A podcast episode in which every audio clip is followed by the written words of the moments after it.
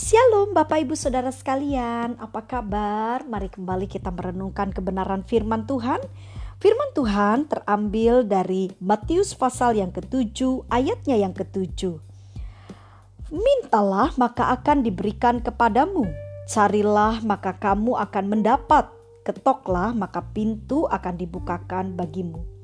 Firman Tuhan ini terambil dari satu perikop yang menggambarkan menjelaskan tentang pengabulan doa jika saya dengan Bapak Ibu membaca kelanjutan ayat yaitu di ayat 8 sampai ayat yang ke-11 maka kita akan melihat bahwa pengabulan doa ini dikaitkan dengan sebuah hubungan di mana Tuhan menggambarkan satu hubungan yang begitu dekat antara Bapa dengan anak. Nah, Bapak Ibu Saudara sekalian, mari kita akan mempelajari hal ini lebih dalam lagi.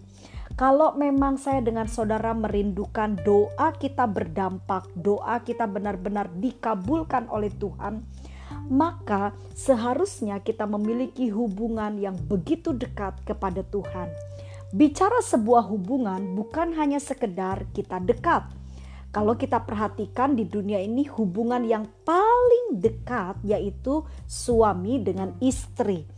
Tapi begitu banyak suami istri yang satu rumah hidup bersama-sama, tapi ternyata mereka hubungannya tidak baik, tidak sehat. Kenapa? Karena seharusnya hubungan yang baik, hubungan yang sehat itu harus memiliki kesehatian. Ketika kita memiliki hati yang sama, kita sehati, maka Bapak Ibu itu akan memunculkan di mana kita akan memiliki hubungan yang begitu dekat dan melekat. Saya sangat percaya Bapak Ibu ketika saya dengan saudara benar-benar sehati dengan Tuhan, kita akan melihat sesuatu yang baik dalam perjalanan hidup kita bagaimana caranya kita bisa sehati dengan Tuhan.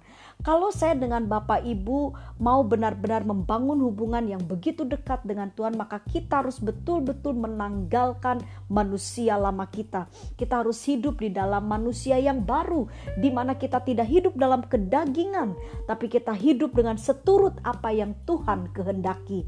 Dan setiap orang yang hidup di dalam keadaan yang melekat kepada Tuhan, pasti dia sangat jauh dari hal-hal yang tidak benar. Dia tidak akan serupa dengan dunia ini. Bapak, ibu, saudara sekalian, mari kita memperhatikan kehidupan saya dengan saudara. Jika memang kita betul-betul merindukan doa kita berdampak, mari sehatilah dengan Tuhan. Bangun hubungan yang benar dengan Tuhan. Dan ketika kita sehati, saya percaya saya dengan Bapak Ibu akan hidup jauh dari keadaan yang jahat, di mana kita tidak akan serupa dengan dunia ini. Ingat, doa orang benar besar kuasanya. Amin.